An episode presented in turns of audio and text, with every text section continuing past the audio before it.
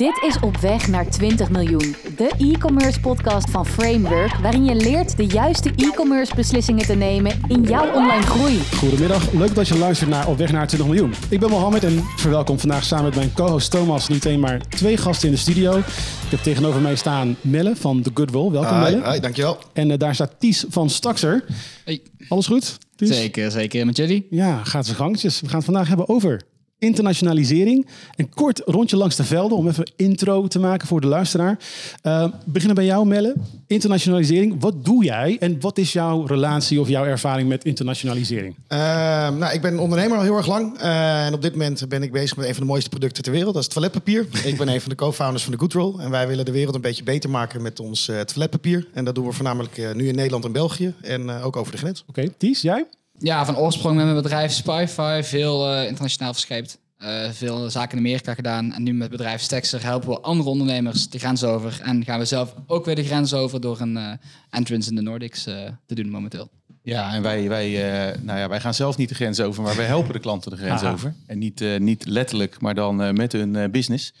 En ja, dat doen we vanuit de, de online marketing en, en de tech stack, de, de development kant. Nu even een kleine deep dive in wat dat dan precies allemaal is. Even Staxer, Ties, want ik denk dat het waarschijnlijk het meest onbekende is voor de luisteraar. Ja. Wat is Staxer? Wat doet het? Ja, bij, uh, wij, autom wij automatiseren je btw-aangifte in, in heel Europa. Dus je kunt je verkoopkanalen direct aan onze software koppelen. Vanaf daar word jij BTW-compliant gehouden uh, in heel Europa. Dus als jij in Duitsland uh, BTW-aangifte moet doen, wordt dat uh, geregeld door onze software eigenlijk. Dus kijk, je wordt op een gegeven moment BTW-compliant, je gaat de grens oversturen, daar komt de verplichting bij kijken, kom je niet onderuit. Dan kan je kiezen om naar een oldschool accountantpartij te gaan die veel te veel vragen voor veel te weinig. Of je kan het laten automatiseren door software. Je hebt een software gedreven business en dat is wat we met de Stacks momenteel uh, doen. Is dit iets, is, komt dit bekend voor, dit probleem?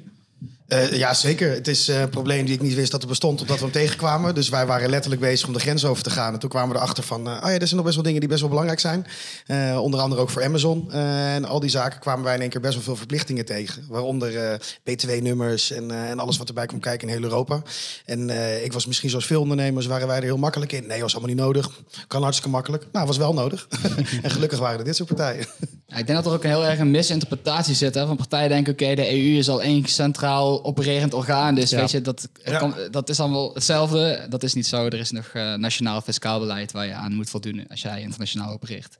Maar het is ook, het is ook wel zo dat dat, dat sinds 20, zeg goed, 2021, dat natuurlijk die regelgeving is veranderd. Waardoor ja. je uiteindelijk boven die nou, drempelgrens van 10.000 euro uiteindelijk gelijk uh, B2-plichtig bent in die landen. Ja, ja dat, uh, eerst was het zo dat jij Um, als jij uh, een bepaald drempelbedrag had gehaald, dan moest je daar ook een B2-registratie van aanvragen. Nou, dat hebben ze gesimplificeerd naar een bepaald drempelbedrag van 10.000 euro. Als jij meer dan 10.000 euro over de grens stuurt, vanaf dat moment op jaarbasis, moet jij in elk land waar je een pakketje verstuurt, B2-aangifte overdoen. Uh, dat kan wel in één portaal, het Nederlands One-Stop Shop portaal.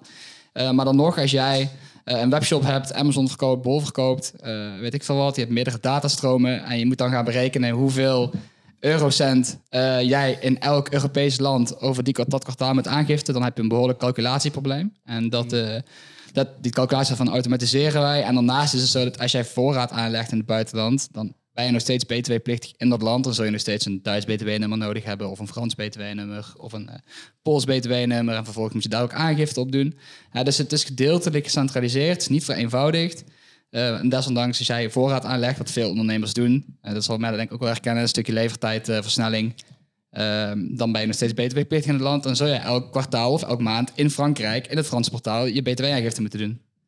Dit, dit, klinkt als complexe materie. Is het dan ook zo dat webshops bij jou aankloppen op voorhand wetende dat dit zo is? Ja, ik denk dat de meeste bij ons binnenkomen. Uh, uh, Amazon is er heel hard in. Je hebt een BTW-registratie nodig. Je kan letterlijk niet uh, je FBA-operatie openen zonder een Duits BTW-nummer. Dus de meeste komen binnen van hey, ik heb een BTW-registratie nodig om überhaupt daar te kunnen starten. Ja, ja, ja. Die lopen er tegenaan eerst. Echt keihard tegenaan lopen. En dan wordt er gegoogeld en dan komen ze bij ons uit. Me Melle ook gewoon keihard tegenaan gelopen? Uh, ja, ja, wij zijn er heel erg keihard tegenaan gelopen. Hoe, hoe, ging, hoe ging dat? nou, we waren op een gegeven moment, wij gingen, gingen live in Duitsland. En, uh, uh, of live. we gingen met lokale retailpartijen gingen we live in Duitsland. En we wilden ook onze e-commerce shop daarop aansluiten. en toen kwamen we er al vrij, vrij, snel achter dat je in Duitsland eigenlijk niet zo snel recht van spreken hebt als je niet op Amazon aanwezig bent. Uh, we zagen dat de meeste zoekvolumes op onze producten toch wel echt in Amazon zaten en niet zozeer op Google. Ehm, en toen kwamen wij erachter van ja, oké, hoe gaan we daar verder in verdiepen? Want retail was relatief makkelijk voor ons. Dat was best wel makkelijke kanalen om daar uh, terecht te komen met facturen die gewoon in Nederland werden betaald. Dus daar hadden we daar nog niet zoveel mee te maken.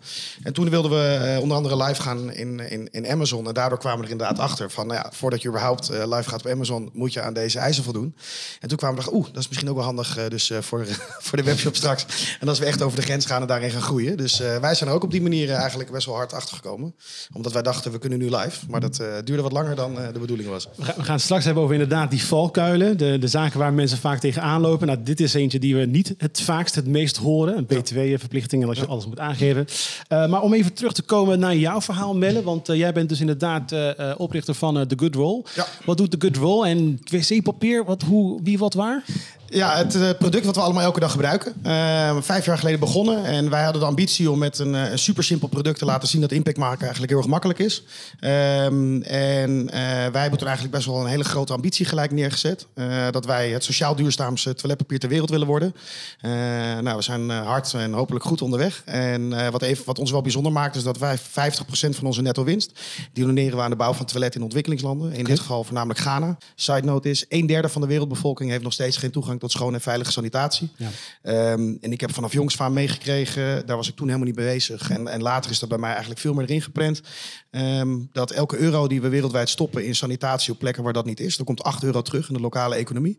Uh, dat draagt dus bij aan uh, dat mensen naar hun werk kunnen, dat kids naar school kunnen en dat het in mijn optiek eigenlijk de basis is van gelijkheid. Waarom, waarom e-commerce? Want je zou zeggen, joh, doe het retail, maak, een, maak een B2B verhaal van. Hoe ben je met uh, e-commerce? Nou, het was lang verhaal kort. Het idee ontstond in de hotellerie. Uh, ja. Wij zagen dat er ontzettend veel toiletpapier uh, doorheen ging in de hotellerie, in cafés. Uh, vroeger was het een hele rare eis. Als je incheckt in de hotellerie in drie of vier of vijf sterrenhotels, dan hangt er een nieuw toiletrolletje elke keer als je incheckt. Nou, dan denken mensen, ah, dat is luxe. Dat heeft niks met luxe te maken. Dat komt omdat ze maar 18 minuten hebben om die kamer schoon te maken. dus ze hangen een nieuw rol op, want dat is makkelijker. Toen dachten wij van, ja, dit is best wel gek. er zitten honderd velletjes op, het gaat niet lang mee. en het was allemaal niet gerecycled. Er werden virgin bomen voor gebruikt. Het was een, een warboel aan, aan keurmerken. En toen zijn we eigenlijk onderzoek gaan doen. En toen kwamen we erachter dat er uh, echt hele goede alternatieven zijn. We zijn ooit begonnen met recycled. En nu zitten we vol in op bamboe. Omdat dat wat ons betreft is het allerduurzaamste is voor, uh, voor papier. En toen dachten we, hoe gaaf zou het zijn als je nooit meer hoeft na te denken over toiletpapier. Uh, en toen bedachten we, we gaan een toiletpapierabonnement uh, gaan we bedenken. Een abonnement? Een abonnement op okay. toiletpapier. En dit was uh, vijf jaar geleden. dat was de eerste en de laatste keer dat ik ooit in de Playboy stond. Want we stonden echt pagina groot. Ah, de Good Roll, de oplossing voor, voor iedereen. en we stonden echt in alle media. Ja, ja, wat echt te gek was. En wij, ik zei op vrijdag tegen mijn, mijn computer, wat te gek. Ik denk dat we iets goeds hebben gevonden. dit gaat werken, we gaan impact maken, we gaan aan de bak. En ik kom maandag terug op kantoor en we zagen... Uh, nul uh, mailtjes in de inbox. Dus uh, het was het allerbeste idee waar niemand op zat te wachten. Uh, dus dat was wel heel erg leuk. Maar we kwamen er wel achter dat we heel erg veel aanvragen kregen. Dus mensen zaten wel te wachten op het online bestellen van eigenlijk toiletpapier. Ja. Um, en het was ook wel logisch als je er later over nadenkt. Waarom zou je een abonnement nemen op iets wat je nog niet kent? En dat was misschien net iets te grote gedragsverandering. Uh, en toen zijn we eigenlijk gewoon losse bestellingen gaan doen. En uh, toen hebben we heel erg geluisterd. En doen we nog steeds naar onze klanten. Uh, van wat vinden ze belangrijk? welke producten moeten we hebben? Hoe kunnen we daarin innoveren en verbeteren? en daar zijn we in de afgelopen vijf jaar eigenlijk best wel flink mee gegroeid. Ik denk op de consumentenmarkt zijn we zeker eh, een van de allergrootste in de Benelux nu. En, en neem ons eens mee tot het punt dat je dat nog, nog niet de grens over bent gegaan. Dus hoe, jullie hebben de webshop. Ja. Wat is jullie focus? Ja. Uh, hoe gaat het e-commerce spel tot dat punt? Nou, we zijn in de eerste instantie zijn wij eigenlijk vol gaan focussen op... Um, eerst was dus het abonnement. Toen zijn we losse verkopen gaan doen. En toen zijn we eigenlijk een van de eerste die op, op socials gingen adverteren met toiletpapier. Ja.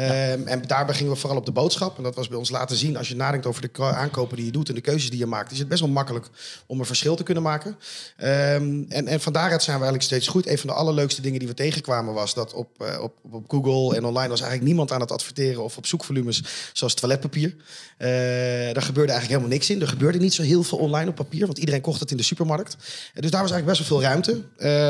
de zoekvolumes waren veel te laag. dus, maar ik dacht, ja, weet je wat, ik heb toch niks te doen. We moeten zorgen dat we overal aanwezig zijn en present zijn. Ja. Dus wij zijn gevolg gaan investeren op, op die zoekwoorden toiletpapier, duurzaam toiletpapier, uh, wc-papier, wc-rol. En uh, in één keer een paar jaar uh, geleden, we het al maandag, komt corona. En eh, wat schiet in één keer door het dak online? In zoekvolumes. Wc-papier. Ik zie het filmpje nog voor me met die meneer die op die, eh, heftruck, hè? op die Ja. heftruck zit en zei van, "Joh, hoezo geen wc-papier? Ja, dus het was echt, eh, ja, het was echt bizar. En dat was ook vooral een logistiek probleem voor veel partijen... omdat er echt geen papier was. Maar wij schoten in één keer omhoog. Omdat we in één keer best wel bekend werden bij het grote publiek. Want ze gingen googlen. eh, dus we hadden in één keer tractie. eh, we hadden retargeting. We konden echt eigenlijk alle principes van e-commerce... konden we echt goed gaan toepassen op iedereen die eh, op ons gegoogeld of gezocht had. Eh, en we waren al heel mooi gegroeid voor corona. We waren eigenlijk, eigenlijk al hartstikke blij. Maar corona was voor ons wel echt, echt een mega, mega speurt. Kun, kun je ons, eh, heb, je, heb je toevallig nog cijfers ergens eh, in je geheugen van wat, is het, wat heeft corona gedaan met het verkeer of met, met de orders? Of? Nou, qua verkeer echt duizend procent. Dat was echt, echt bizar. Ik, wij kwamen s ochtends binnen op kantoor en ik word gebeld. Mel, de printer is stuk. Ik zei, de printer is stuk? Wat is er aan de hand dan? Dus op een gegeven moment, ik kijk naar gewoon... We hebben een heel klein printertje, hadden we toen nog. Miep, miep, miep. Er kwamen die bonnetjes uit, dat was plakken Ja, ja. en dat was klaar. En op een gegeven moment, het lag echt... Hij was op en we moesten maar die rollen blijven bijvullen... voor al die, die bonnen. die- En het kwam echt uit alle landen. Het kwam Duitsland, Frankrijk, België, eh, UK. Overal was toiletpapier shortage. Dus eh, iedereen die kwam bij ons terecht. En het leuke daaraan was dat ze eigenlijk allemaal zijn gebleven. Ehm, omdat het een goed product was. En omdat we heel erg bezig zijn met ons verhaal, onze missie. En de impact die wij maken, laten we echt zien. Eh, dus dat het geen wassen neus is, maar dat mensen echt betrokken zijn eh, bij de impact die we maken door zoiets simpels als toiletpapier. En dat was wel echt super tof. En waar, waar we heel erg bang voor waren, wat we zagen in die e-commerce markt, wat heel veel mensen herkennen, is na corona zakt alles. Je ziet het nog steeds, hè? veel eh, e-commerce bedrijven hebben het lastig. En wij zijn er eigenlijk tijdens corona al wel heel erg op gaan anticiperen, want wij dachten allemaal, dit is tijdelijk, dit is niet normaal. En heel veel mensen dachten, ah, dit is voor altijd zo, dit is te gek. Ja, dat is het gewoon niet. Het was een bijzonder jaar, weet je, of bijzondere jaren. En wij zijn eigenlijk op die moment al heel erg gaan investeren in die, in die relaties die we hadden met de mensen die ons product kochten. Van, hey, te gek dat we je hebben opgeholpen bij een probleem nu. Maar we denken dat we er eigenlijk voor altijd voor je kunnen zijn. Door middel van een abonnement. eh, door middel van andere producten die we hebben. Assortiment uitbreiden. eh, en ons echt te profileren als de duurzaamste keuze voor het kleinste kamertje. Want, want- want je noemt het een beetje, maar wat heb je dus toen gedaan? Dus die relatie met, eh, met de klant. Je hebt, ook, je hebt over een B2C-markt, hè? Ja, B2C-markt, ja. Dus wat doe je Ja. dan? Wat ga je, wat, hoe Nou, wij zijn volledig gaan, ehm, eh, in plaats van alleen maar volledig op conversie te zitten, zijn Ja. we echt, echt op storytelling gaan zitten. Waarbij we dus echt funnels bouwden en echt zijn gaan kijken van ja, hoe zorgen dat de mensen zeker weten wat ze besteld hebben. Eh, wat vaak nog wel een uitdaging is, dat het niet een one-off is. Eh, we hebben hele grote thank you campagnes gedaan. Waarbij we echt volledig eh, zijn gaan draaien op een heel grote reach. Waarbij mensen echt een thank you kregen vanuit ons persoonlijk in Ghana. Waar we onze toiletten bouwden. En dat ze dus echt zien wat de impact was. Waar ze aan bij hadden gedragen in die periode. Dus echt heel meetbaar te laten zien waar ze onderdeel van zijn. Want zonder hun kan het gewoon niet. Dus we zijn ook echt niks zonder onze klant in dat geval. Ja. Ehm, en, en dat heeft voor ons heel erg goed gewerkt. En daarin ook geïntroduceerd in een abonnementsmodel. Maar ook luisteren naar welke productbehoefte er nog meer was. Eh, en ons assortiment uitbreiden, die wel bij ons past als bedrijf, maar ook bij de behoeften van, eh, eh, van de consument. Want alleen toiletpapier bestellen, ja, op een gegeven moment valt dat misschien een beetje weg. Dus een soort keukenrollen, Ja. tissues. ja. Op, op weg naar 20 miljoen. De luisteraar die wil zelf ook hè, stappen gaan maken. Thomas, als je dit zo hoort, is dit iets wat ook een andere ondernemer zo kan, kan, kan overnemen? Het idee om die band te gaan opbouwen met je klant, met thank you campagnes en op storytelling te gaan zitten? Of is het echt iets specifieks omdat het een, naar een half sociaal, eh, omdat de helft van de netto winst gaat naar, naar een goed doel? Nou, ik denk niet dat het heel specifiek te maken heeft met het, eh, met het product wat je hebt of, of, of de manier hoe je onderneemt. Maar ik denk wel, als je Melle zo hoort, ja, dat past gewoon helemaal bij het merk. En een, heel belangrijk is dat het onderdeel is van zijn volledige klantreis. Dus, hè, met andere woorden, je, eh, je vraagt iets van een, van een klant. Een klant betaalt ook iets meer voor het specifieke product, maar er hangt iets aan vast. En dan is het natuurlijk heel mooi en een heel grote toegevoegde waarde om uiteindelijk ervoor te zorgen dat je die klant daar ook uiteindelijk voor bedankt om eh, nou ja, die impact te maken. Want dat is eigenlijk het doel wat hier wordt nagestreefd. Het is niet het verkopen van de wc-rol. Het is juist ervoor zorgen. Het middel is de wc-rol om ervoor te zorgen dat je iets in een ander land qua eh, sanitair kan verzorgen. En dat is wat je uiteindelijk uitdraagt. En dat is wat Melle denk ik ook hier, eh, Ja. hier aangeeft. Kan een ander dat dan ook doen?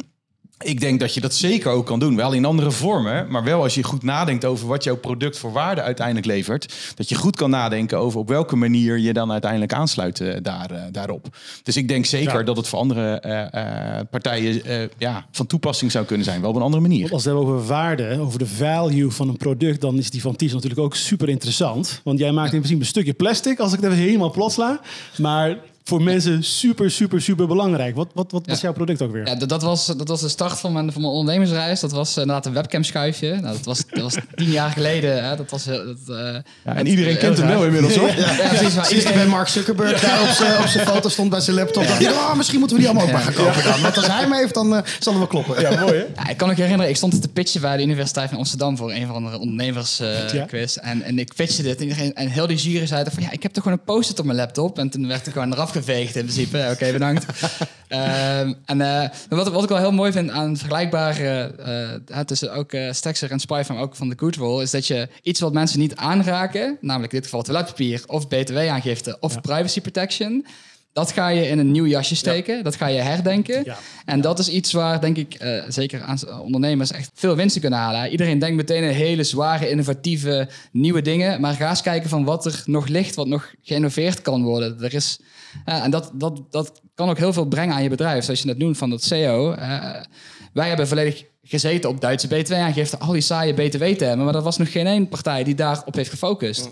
Totdat je dat gaat doen. En dan krijg je een attractie. En dat hebben jullie met, met wc-papier gedaan. En dat vind ik heel herkenbaar. En, en de twee, van de twee alignments van de bedrijven in principe. Iets wat, wat saai is en wat oudbollig is. En wat altijd al zo is geweest, ga je herdenken. Ja.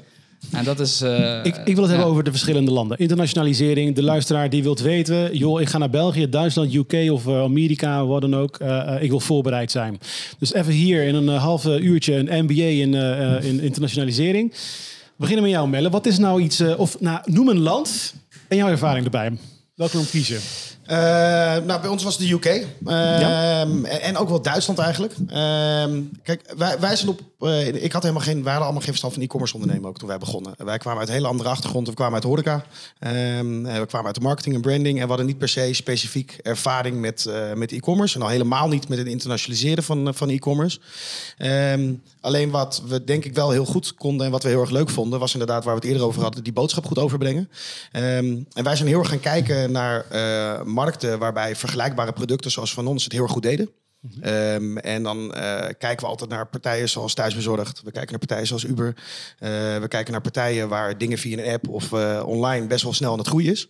Nou, toen kwamen wij, logisch natuurlijk, kwam je technisch gezien kwamen op de UK, maar ook op landen zoals Polen en Tsjechië. Ehm, waar we het gek genoeg nu heel erg goed doen ook. Waarom is dat natuurlijk? Even hel- help ons daarbij. Nou, omdat het niet een land is waar iedereen gelijk aan denkt. Ehm, eh, terwijl wat wij zagen in de onderzoeken die we deden, dat daar eigenlijk best wel een flinke groei is in het gebruik van dit soort diensten, online Ja. diensten. En dat de partijen heel erg snel aan het groeien zijn.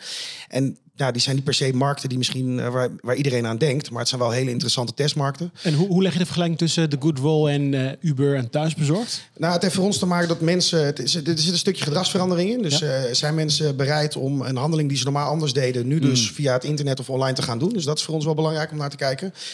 Want de, de, het gevecht waar, waar het eerder. Gedragsverandering, ja, dat is een van de moeilijkste dingen. Dus wij willen dat zo makkelijk mogelijk maken en online toiletpapier bestellen.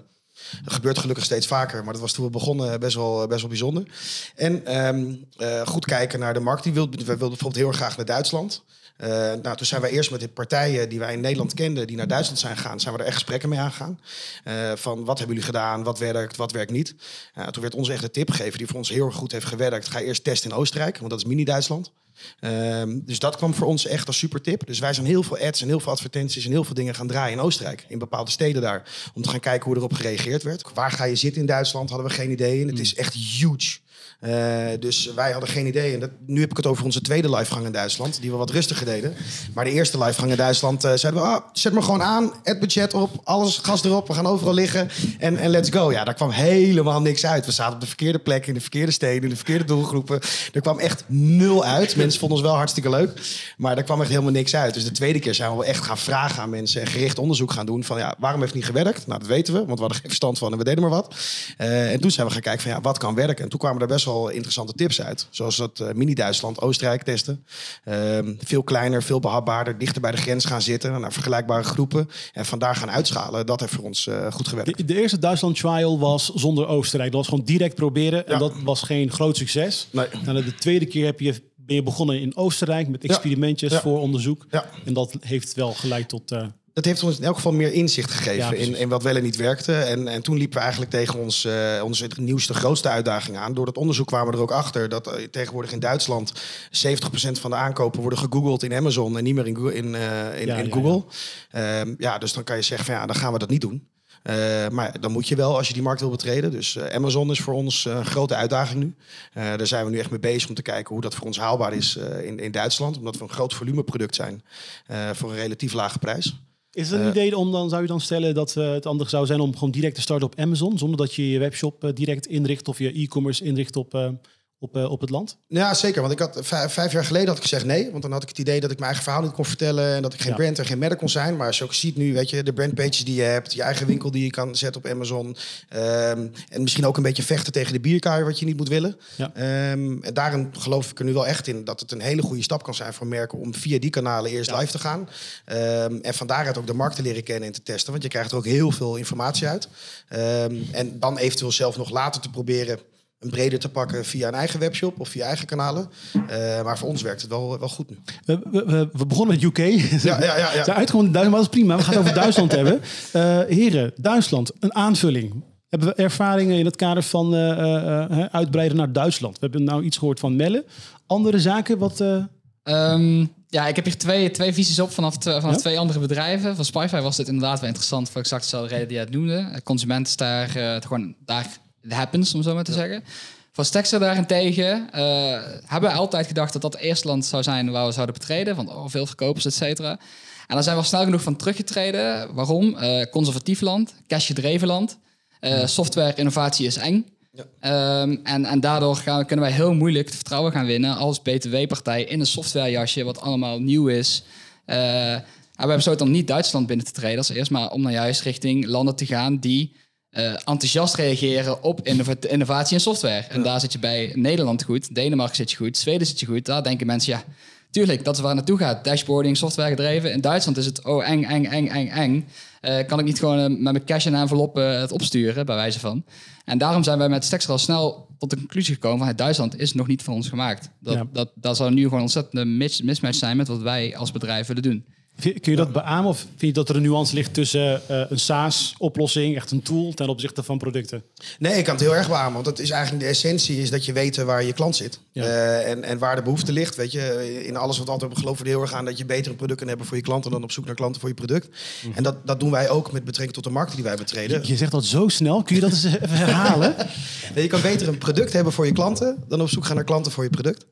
Ehm, en daar geloven we heilig in. En daarom de Scandix. Fantastische groeimarkt, maar voor ons Ja. niet interessant.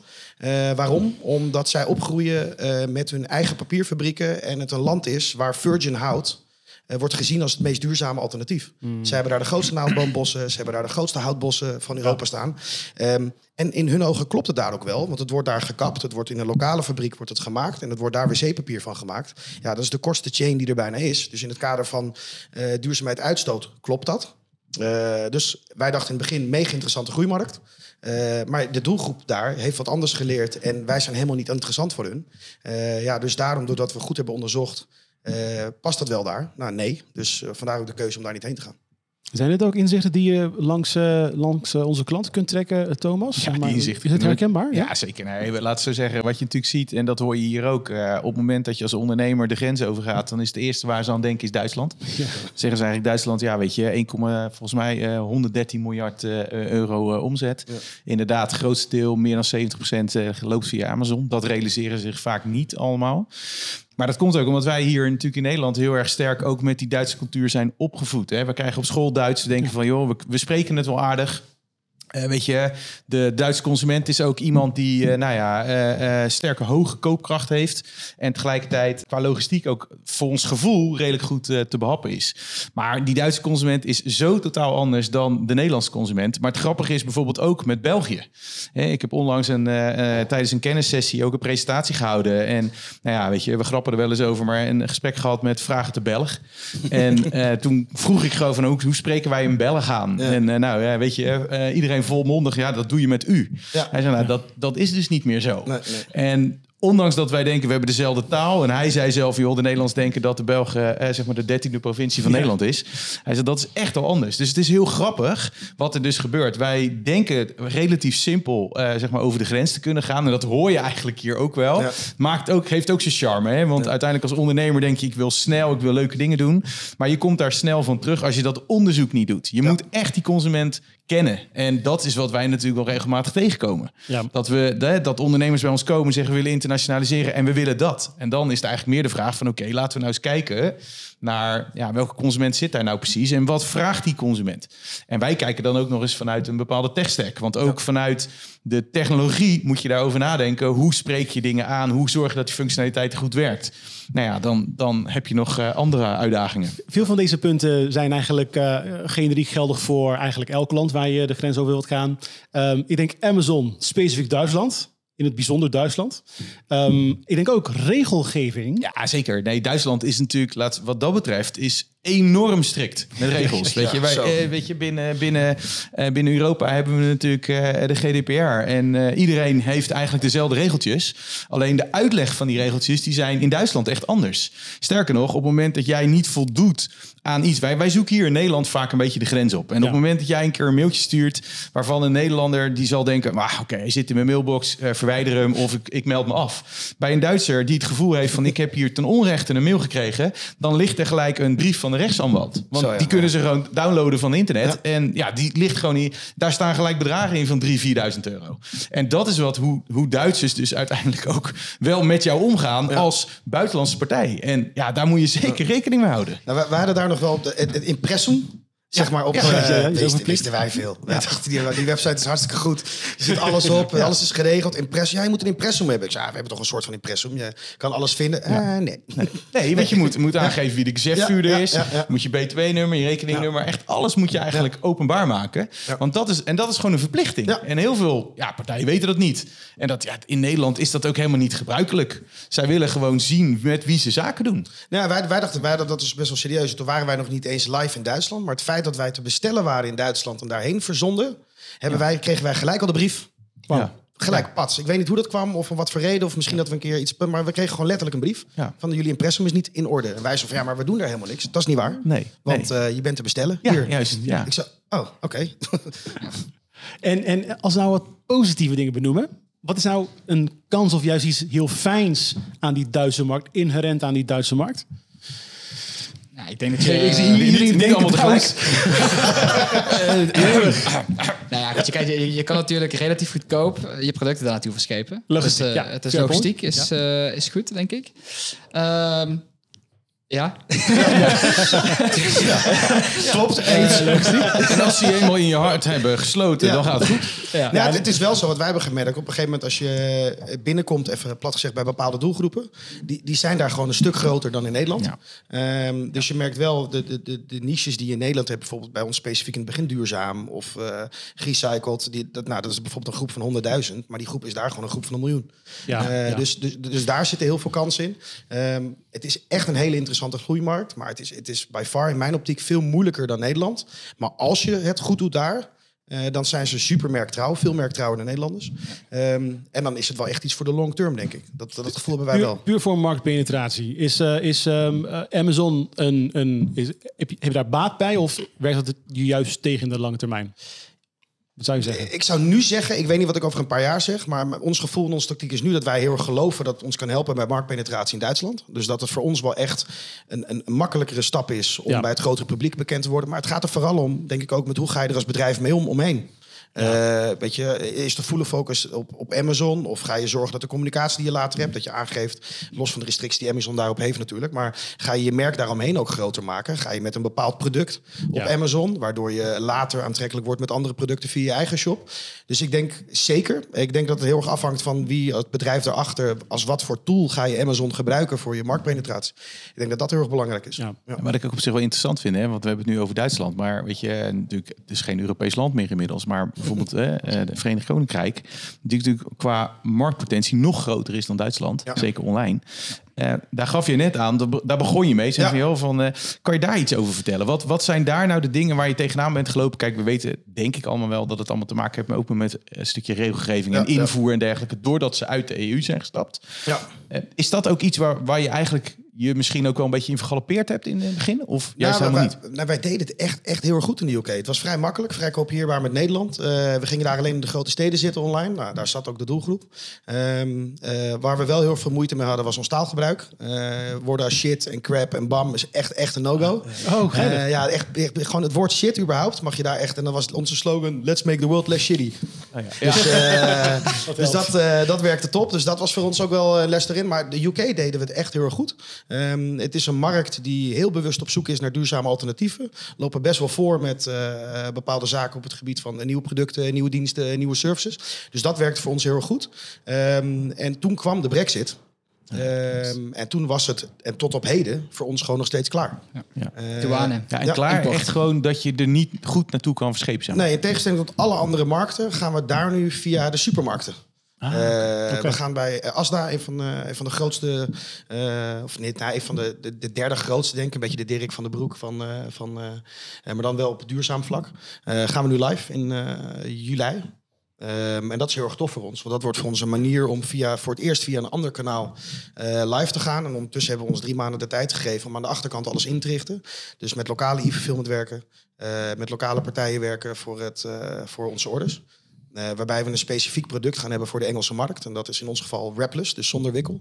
Eh, en zonder shit ook maar ergens in de, in de verpakking. Ja. Maar eigenlijk wat je zegt betekent eigenlijk dat je eh, de problematiek van het invoer zeg maar eigenlijk overslaat door warehousing in, eh, in de UK te doen. Ja, want dan hoef ik maar één keer een container in te klaren. Ja, juist. Ehm, en we gaan eigenlijk een lokale setup maken daar in combinatie met ons e-fulfillment. Dus het wordt een mini-bedrijfje in Engeland, eh, waardoor eigenlijk daar alles geregeld wordt. Eh, wij in Nederland niet zo heel veel meer te maken hebben met alle restricties, alle eisen en alle wetgeving.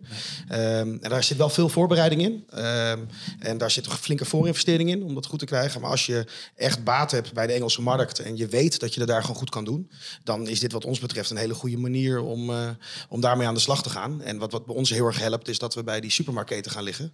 Ehm, waardoor we ook gelijk eh, flink wat uh, reurbaarheid om ons merk krijgen. Juist. Hey, en, en Ties, jij, jij eh, in onze voorbespreking noemde jij eh, niet zozeer Engeland, maar Amerika, waar jij eh, eh, nu op dit Ja. moment tractie hebt. Zeg maar. Wat, wat, wat Ja. zie je daar? Ehm, ja, eigenlijk om eerlijk te zijn, geweldige kansen. Zeker voor, eh, zeker voor e-commerce. Eh, als je gewoon producten hebt met flink zoekvolume. Je hebt daar bij direct met één listing een markt van 350 miljoen eh, mensen. Je hoeft maar in één taal het neer te zetten. Voor Spyfy, dat is waar in ieder geval het succes van het bedrijf vandaan is gekomen uiteindelijk. Hè. Dus een stukje privacybescherming. En het is redelijk eenvoudig. Ik denk dat mensen ontzettend overschatten hoe moeilijk het is om daar binnen te komen. Het kan. Uh, je hebt een lokaal belastingnummer nodig, maar je kan uh, ook gewoon producten bij Amazon FBA direct neerleggen. Um, dus ja, ik zou, ik zou eigenlijk aanraden van duik daar even in. Ja, je hebt er inderdaad van tevoren wat legal setups voor nodig. Er moet een keer één keer per jaar een jaaraangifte gedaan worden. Maar voor de rest liggen daar uh, heel veel kansen. Maar stel, want oké, okay, dus je hebt er natuurlijk wel het product voor nodig, weet je wel, want het lange ja. reis maken, et cetera. Ja. Uh, maar als je dan zo vergelijkt, uh, voor jou, specifiek geval, het gaat ja. om telefoonhoesjes met privacybescherming. Duitsland versus Amerika, vind, is de een echt een stuk makkelijker? Hoe zou je die vergelijking maken? Ja, ik zou eigenlijk wel zeggen dat Amerika makkelijker is dan Duitsland. Dus stel dat we dus inderdaad, je hebt het een beetje aangegeven, maar stel dus die luisteraar heeft een webshop en ja. die gaat nu overwegen de grens over te gaan of is nu bezig met België. Ja. Dus kun je nog een klein beetje aangeven, in dit geval is Amerika een interessante markt? Um, nou, ik denk als je, als je gaat internationaliseren, um, ga je eerst dan iets leaner starten. En dat is wat jij net noemde van kleine Duitsland, uh, dat vind ik in Oostenrijk heel mooi. Dus ga je überhaupt kijken of jouw product überhaupt buiten die grens werkt. Hè? Want het kan zijn dat je een heel erg Nederlands product hebt. Ja. Dus ga in ieder geval testen, oké, okay, is, er, is er überhaupt buitenlandse markt? En dan zou ik stap 2, stap pas Amerika. Valideer het wel even of in Duitsland of in de UK of in Frankrijk... dat je ja. in ieder geval internationaal product te pakken hebt. Want je hebt wel een LLC nodig in Amerika. Ja, dat, dat is voor 2.500 euro of zo kan je dit tegenwoordig aanvragen. Dus dat fundament moet je wel hebben. Uh, maar daarna, ja, ik zou zeggen, als jij het gevalideerd hebt, eh, ga naar Amerika. Zeker voor dat, is dat geen mooie nieuwe service ook voor straks? is? Dat je die, eh, die, eh, die Amerikaanse Nee, uiteindelijk gaat aanbieden. Kijk, waar, waar krijgen we al die vra- vraag, die va- vaak die vraag van... Hey, ga je niet de EU uit? Nee, wij, wij zeggen wij gaan echt ons speelkader in de EU houden... voor Europese bedrijven. Waarom? Als jij in Amerika of wat dan ook gaat opereren... kom je in een andere legale jurisdictie. Eh, wordt het allemaal minder standaardiseerbaar... en wordt het meer customwerk. En dat is wat we nou juist niet willen. We willen geen customdiensten, we willen juist het software... door Ja, ja, ja, de standaardisatie ja. daarvan. Ja. En binnen EU blijven we lekker kaderen. En dat, is, dat gaat als speelveld zijn voor eh, en door eh, Europese bedrijven. Ja. Ja, maar ik hoorde jou wel eh, volgens mij in een andere podcast zeggen van joh, uiteindelijk hebben jullie ook een bepaalde dienstverlening rondom BTW-nummers, het verkopen van BTW-nummers. Zeg ik, eh, zeg ik dat goed of heb ik dat verkeerd Ja, maar niet, niet in Amerika. Niet, nee, in, je gaf met name Duitsland en dergelijke. Hè? Dus, dus, eh, en doen jullie dat nog steeds? Dus gewoon een soort van dienstverlening van als iemand een BTW-nummer, en Melle gaf het net ook al aan. Ja. Ja, zeker. Dat is, de, dat is denk ik de, de, ja, dat is de, de entrance van Stexer. Als mensen daar binnenkomen, is eerst het eerste wat je nodig hebt is een BTW-nummer. En daarna word je BTW-plichtig op dat BTW-nummer en dien je periodiek aangiftes in. En dat doen wij door, eh, door een stuk software. Ja, juist. juist. Dus, ehm, Dus dus de start meeste- van de klantreis is BTW-nummer en Ja. die pikken jullie op en gaan, trekken jullie door zeg maar uiteindelijk in jullie ja, dienstverlening. ja, echt de start, de start is echt de BTW-registratie die je nodig hebt. eh, of een one-stop-shop-registratie die je nodig hebt. Eh, dat is van het Nederlands portaal. En vanaf daar regelen wij die registratie, kom binnen en vanaf dan ben je aangifteplichtig op dat nummer. En dat dien je We, hebben- we periodiek hebben het gehad over Duitsland, België, UK, Amerika. Wat zijn andere landen waar we nog eh, wat van hebben geproefd? Wij zijn nu voorzichtig bezig in, eh, in, Honga- in Hongarije, Tsjechië, Polen. Eh, daar zijn we nu voorzichtig aan het kijken. Is vooral voor ons. We zijn begonnen met de B2B-markt. Die is voor ons daar heel interessant. Ja, ja, ja. Ehm, ja, Amerika is een droom voor ons. Maar dat, eh, dat, eh, dat gaat een beetje lastig met al die fulfillmentcentra en eh dozen toiletpapier en hoeveel lucht er in een container gaat. Dus het zou Ja. wat ons betreft niet de meest duurzame keuze zijn om Ja, richting het eh, moet logistiek te gaan. passen. Ja, dat is zeker. inderdaad wat je Ja. noemt. Ja, Ja. zeker. En, en wanneer je zegt voor, voorzichtig, want je hebt nu de learnings van natuurlijk eh, nou, die, die eerste internationale stappen. Ehm, en, en, je, en je zegt B2B, Ja. Ehm, want ehm, de good roll is ehm, voornamelijk het grootste aandeel is B2C, zeg ik dat goed? Ja, nog wel. Ja. Precies. Dus wat is die voorzichtigheid dan? Dus zeg maar, wat, waar let je vooral op? Eén en twee, waarom heb je voor B2B gekozen?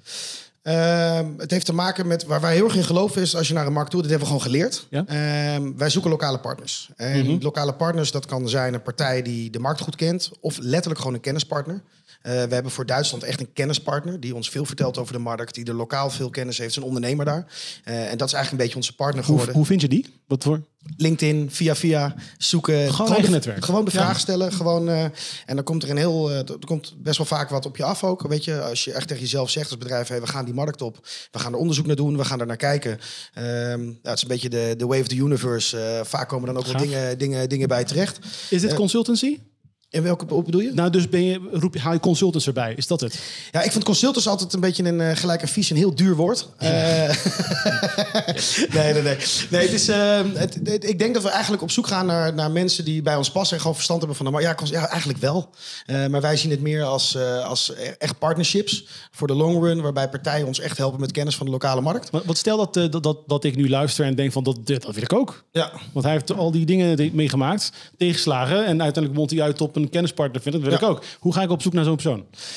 Ja, goeie. Wij hebben ze echt zelf gevonden. Dus wel bijvoorbeeld voor de UK zitten we nu een jongen die, die kwam uit de horeca in de UK. Iets heel anders. En die heeft ons nu geholpen bij eh, B2B-penetratie in, in, in de grote hotels en, en grote bedrijven. En uiteindelijk zijn we daardoor ook bij een grote supermarktketen terechtgekomen. Dus het is... Het is Ja, maar is het ook geen kwestie van, van durven vragen? Ik denk Weet het je? ook. Ja. Want Dat is, Ja, dat is gewoon denk ik gewoon het verhaal. Ja, ja, ja. Weet je, dus op het moment dat jij gewoon in je netwerk aangeeft van ik wil die stap gaan maken, dan denk ik dat er heel veel partijen zijn die zullen zeggen van oké, ja, dat heb ik zelf ook al een keer ervaren. Ja. En weet je, ik ga je daarbij helpen. En dat hoeft dan echt niet per se te zijn dat daar weer een factuurtje tegenover staat. Want ik denk net zoals ondernemers zoals jij, Melle, dat, dat op het moment dat iemand aangeeft van joh, weet je, en eh, het is een leuk bedrijf, het is, weet je, het zijn, eh, weet je, je hebt een leuke klik met iemand, Ja. dan, dan ben je toch altijd bereid om mensen gewoon eh, mee te nemen in jouw journey, in jouw verhaal. En ze daarin in te adviseren. Dat geloof ik echt, echt oprecht. Dus ik denk niet dat er altijd maar eh, eh, uitvraag hoeft te zijn Ja. naar ja, bedrijven die daar dan weer een dienstverlening in Maar hebben. dit is dus wel een praktische tip die je kunt meenemen als je er zelf mee bezig bent. Ja, 100%. Ik denk eh, op, op zoek gaan naar lokale kennispartners, wat dat ook is. Eh, iemand die eh, meer kan vertellen over de markt en, en ook de markt daarvoor je op de hoogte kan houden. Ja, ondernemen in Nederland en dan bijvoorbeeld in een ander land zitten, ja, dat, dat is gewoon anders. Ehm, en ik denk dat het goed is als daar iemand is, wat ik net zei, met kennis van de markt, die daarin kan adviseren en helpen. Doe echt goed onderzoek naar inderdaad wat jij ook zei, van ja, is jouw product wel voor die markt? Uh, en, en dat is gewoon echt heel belangrijk. Hadden wij dat bij die paar ook maar gedaan, dan had dat dus een hoop koppijn, stress en geld geschild. Want ik wil inderdaad uh, uh, een beetje richting het einde gaan van de podcast, waar ik, het, waar ik eigenlijk een opzomming wil van wat zijn die valkuilen nou? Ik denk dat je net gewoon ja. precies eentje benoemt. Ja. Dus kijk of er een, een, product market fit is. Ja, zeker. Um, hoe, hoe kun je dat doen? Wat, wat, wat, ga je doen? Ga je dan met het product naar, naar Duitsland en wat, hoe, hoe doe je dat? Um, wij, zijn heel erg op zoek gegaan naar vergelijkbare producten. Dus uh, zijn er concurrenten? Bestaat het al in die markt? Uh, waarom doen zij het wel of niet goed? Ja. Uh, kunnen wij, zijn wij beter dan hun of niet? Eh, kunnen wij het anders? Kunnen wij het interessanter maken? op welke manieren zouden we kunnen concurreren? Dus echt goed kijken naar wat er wel of niet bestaat. Um, inderdaad, voor ons was dat bijvoorbeeld later met zo'n Oostenrijk. Hè? Gewoon online gewoon gaan kijken. Komt er tractie op wat je doet? Wat zijn de reacties die erop komen? Um, dat heeft voor ons heel erg gewerkt. Um, en uiteindelijk ook gewoon niet alleen maar door blijven gaan, maar ook zorgen met alle informatie, kennis en kunde en data die je krijgt. Uh, doe daar ook wat mee. Uh, maak daar ook een, een observatie uit van werkt het wel of niet? Is wat we doen uh, überhaupt valideerbaar of haalbaar. Uh, en ga steeds op die manier verder. Want wat wij heel vaak doen en heel veel ondernemers, vol gas erop, niet achterom kijken en gewoon uh, gaan tot het eindresultaat. En gelukkig voor heel veel werkt dat altijd heel goed. Ja. maar wij proberen nu wel heel erg steeds onderweg te kijken, zitten we nog op de goede rit? Was dit, willen we dit behalen? Zijn we nog onderweg? zijn nog alle stappen die we bedacht hebben, kloppen die nog? Moeten we een beetje links of rechts? Um, dus wat dat betreft wat rustiger misschien. Uh, is wel nu de manier waarop wij het doen en niet meer pam. Maar dat is de geloof. Want Thomas, die vraag wil ik aan jou stellen. Want Melle die heeft nu natuurlijk, uh, uh, hij heeft het gedaan zoals precies tegenovergesteld aan hoe, zoals hij het vertelt. Ja, ja. hij heeft precies het, het, omgekeerde gedaan. En dan heeft hij daar wel uitgeleerd en deelt hij nu deze les. Maar we, we werken met ondernemers. Je ziet altijd ondernemers. Hoe doen zij het? Nou, ik denk dat het verschil zit kunnen en willen. Want ik denk een ondernemer is gewoon heel onrustig in, in van aard. Die denkt van, joh, weet je, volgens mij zit iedereen op een product te wachten. En uh, iedereen denkt dat hij het gouden ei heeft. Dus met andere woorden, we gaan natuurlijk vol gas ervoor.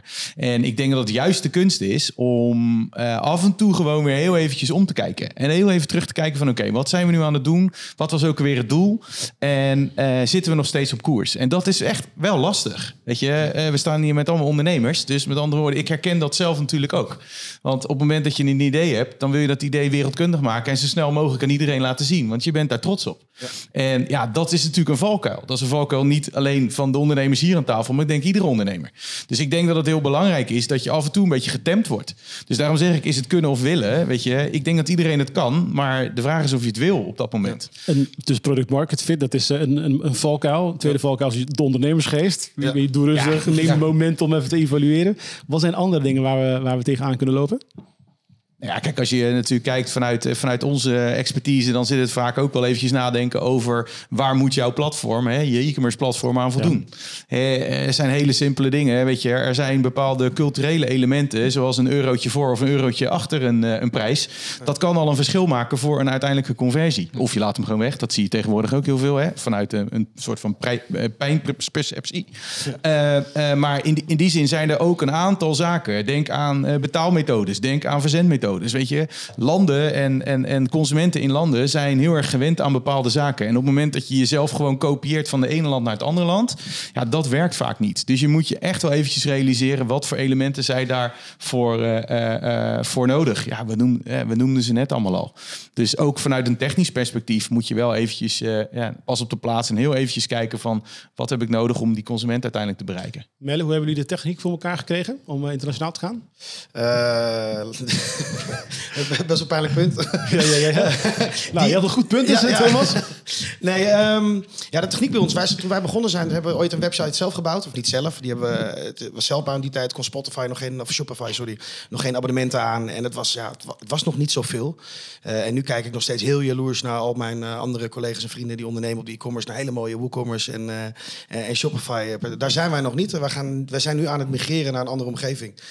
dus bij ons is het echt nog heel ouderwets alles maken. Ja. Uh, verschrikkelijk. Ja.